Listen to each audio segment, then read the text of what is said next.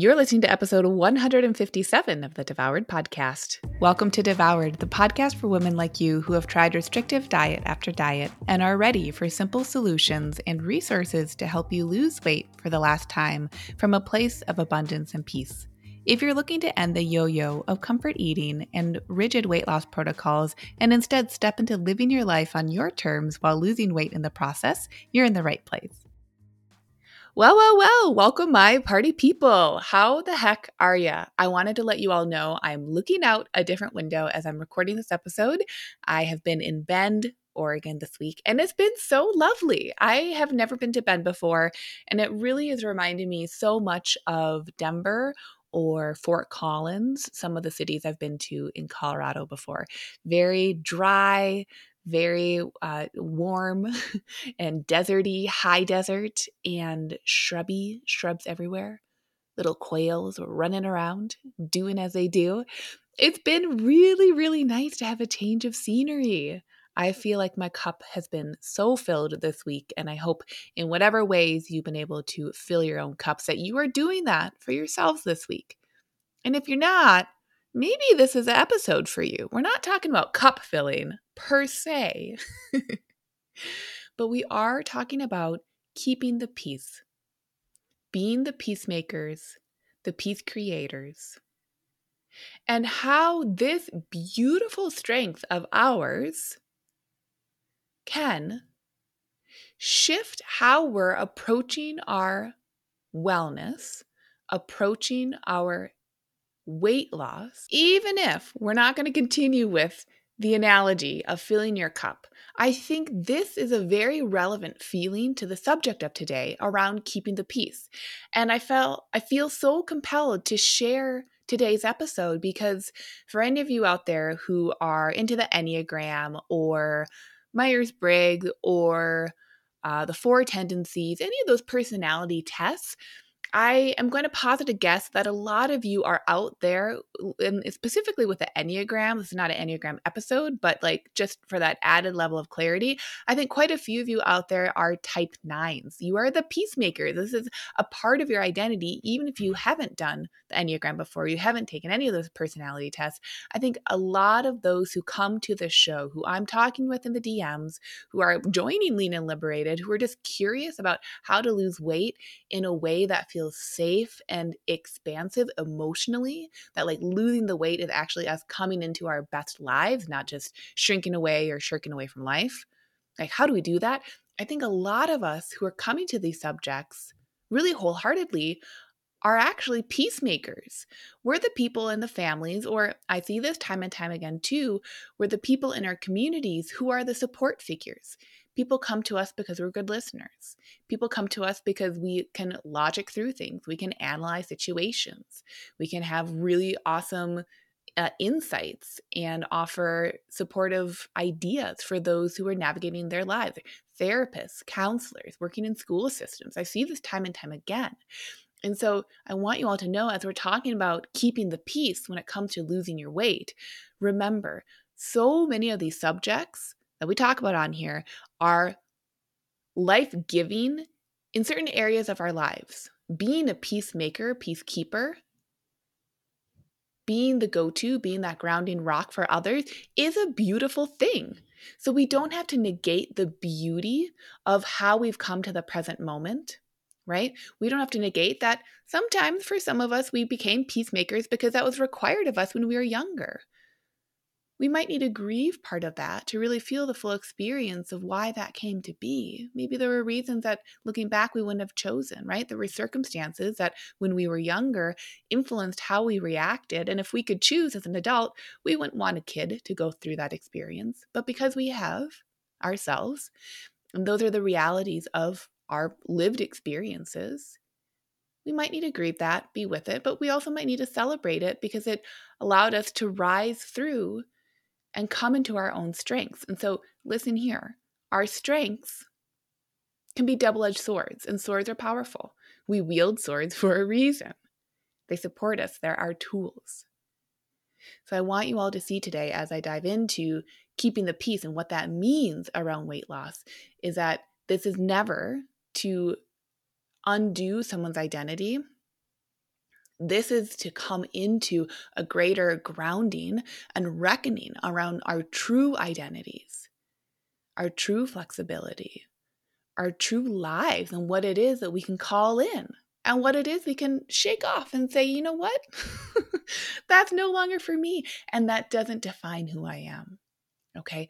So, keeping the peace when we're losing weight, I want to give you some tangibles of what that could look like. Okay. Keeping the peace when we're losing weight means you're worried about telling other people what it is that you're doing. And now this is not just you're doing something new and you're trying to keep that, you know, close to heart before sharing. This is a little more nuanced. If you have particular relationships that you are worried that if you share with them when you are ready in your own time to talk about your weight loss journey or you're, you know, deciding that you're no longer restricting your foods or however it shakes out, whatever you're noticing right? If there are certain relationships where you do not feel safe to share that, and that is keeping you in the loop of keeping the peace for other people, the surface level peace for other people. I really want you all to get curious this week. Is that true ownership of your thoughts? Because we can have the level of self awareness that we are in charge of our thoughts, let our thoughts create our feelings, that we take actions consciously, sometimes unconsciously, from those actions, that we get our results basically from our thoughts. We can have that level of self awareness, but if we don't feel safe in that as a belief, what we'll find is that we'll, on the surface, show up to some of the actions with clarity, and some of the actions will continue to be repeating and repeating a pattern that is actually part of the pattern of the dieting cycle. Now, here's my question if you're looking to truly liberate yourself and to truly call in unabashedly and safely this new lived experience for yourself of no longer even needing to like have a whiff of diets. I really want you to get curious. How is keeping the peace for other people's thoughts, which are the things we do not own, other people's thoughts or circumstances?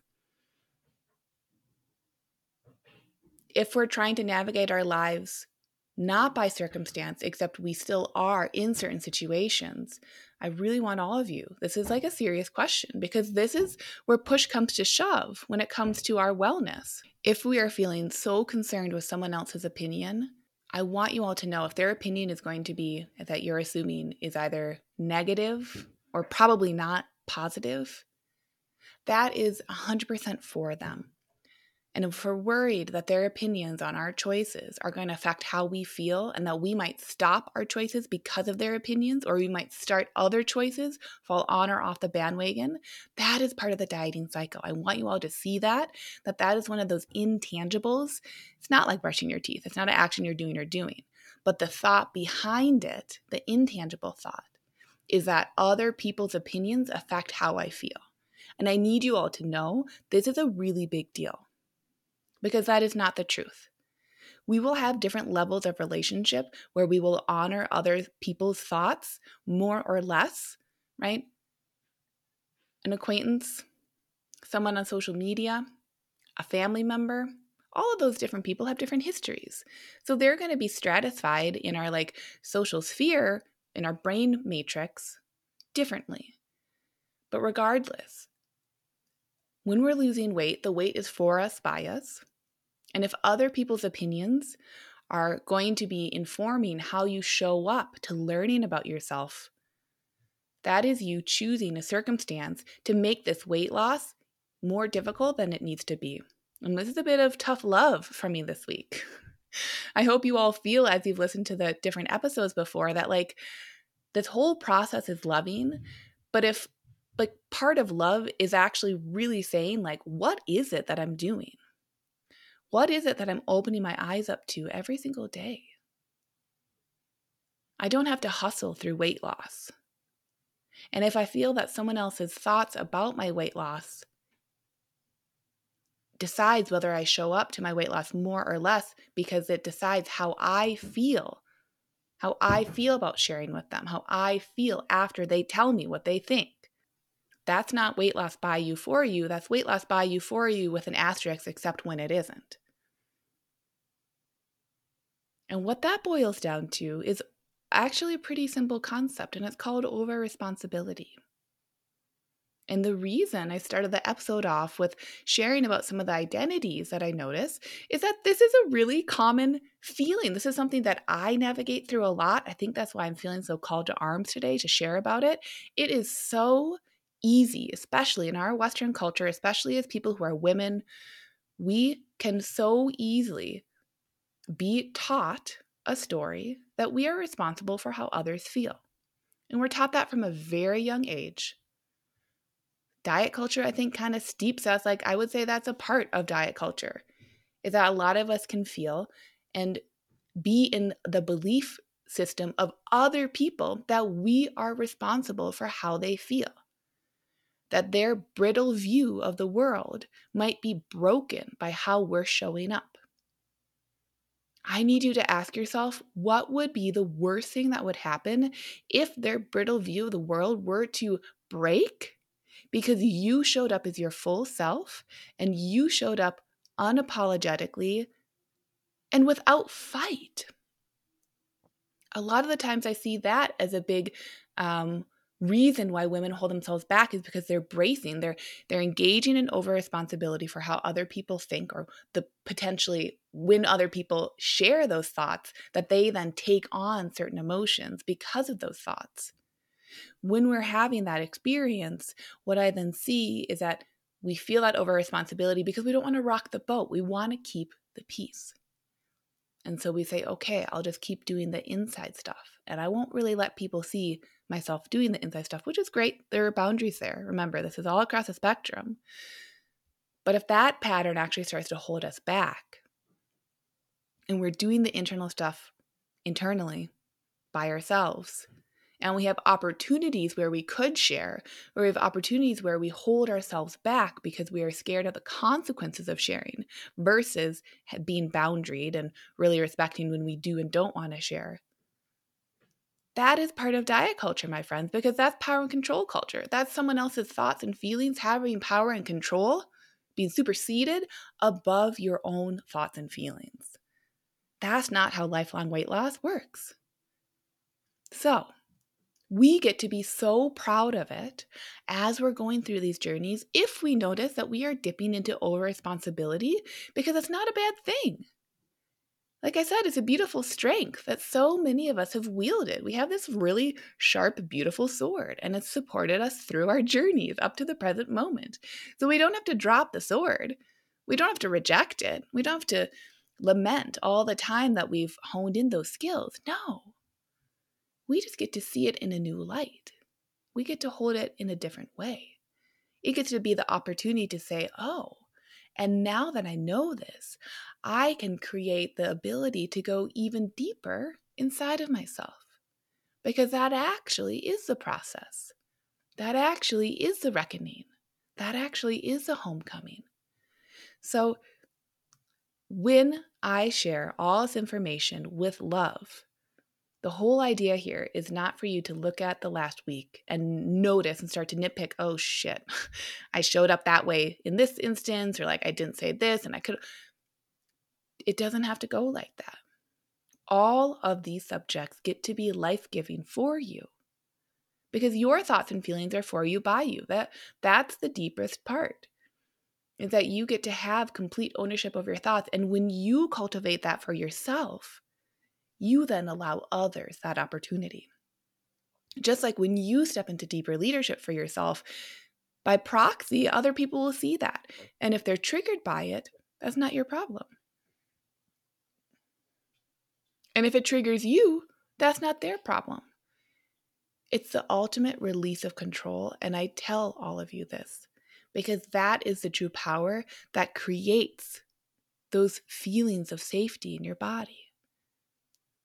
Catch my drift? If we keep repeating the old patterns, we just habituate that the old patterns are the patterns that we do. So sometimes just the scariest part of trying something new is being in the decision of trying the new thing without feeling like there's going to be a mess or that there's going to be a mess that we have to clean up after. not my monkey, not my circus. And that can feel like a confrontation when someone says that. It can feel like a confrontation in our hearts. Well, not my monkey, not my circus, but maybe I could help. Maybe I could be like the ticket person at the front door. Like I have some free time. I don't know. Love that energy and where that comes from. That's why in the story work that we do in Lean and Liberated, this is not to compartmentalize any lived experience we've had. It's just to lay it all out there, to unpack it, to let any of the clothes that have been stuffed into the backpack, like, and they're all wrinkly, to let them like de wrinkle themselves just because they're hanging out. We don't have to throw the clothes away. We don't even have to go like put them in the laundry machine and clean them to put them back into the drawers. They just get to hang out and we get to see, oh, yeah, that shirt was in my backpack. It was really stuffed in there. But now it isn't. Okay. My backpack is my shirt. It's not for anyone else. I can see the circus. I can walk by it. I can see the circus. I can look at it. I can see the monkey in the circus. I can see the monkey running away out of the circus. I can see the monkey running back into the circus. Now my monkey not my problem. When we come to these subjects with love for ourselves, we start to see how simple all of it is. And just that our culture kind of complicated a lot of things. And that's okay. Maybe you didn't know better. We don't have to worry about that too much. If we start to notice that we're sitting in the worry of all these subjects because we're so damn smart and our brains are working so quickly, that then can be us in a pattern of reflecting instead of feeling safe enough to take action. So that's why I like to share these episodes every week is to say like let's learn something here. Let's have a chat. Let's have a sit down, chit chat. But it's not just so that we then chit chat next week and the week after and the week after. Between that, I give you all homework, right? I want you to be taking action. I want you to show yourself how safe it is to take action. I want you I want you to see what happens when you share something with someone, they share an opinion that you would actually prefer them not to share, and you start to see, wait a second. I can be okay. I'm 100% safe. I am 100% loved when someone shares an opinion that is different than mine and I don't have to take care of their opinion.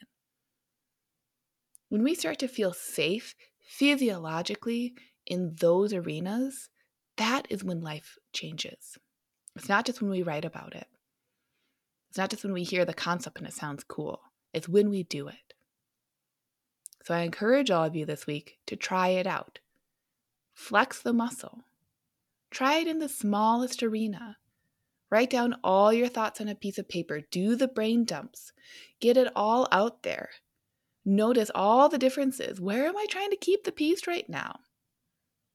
How is that feeling for me? How would I love for things to go?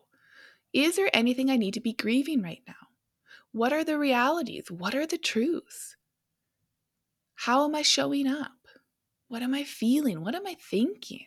What's going on? This will become so much easier when we just lay it all out on the table.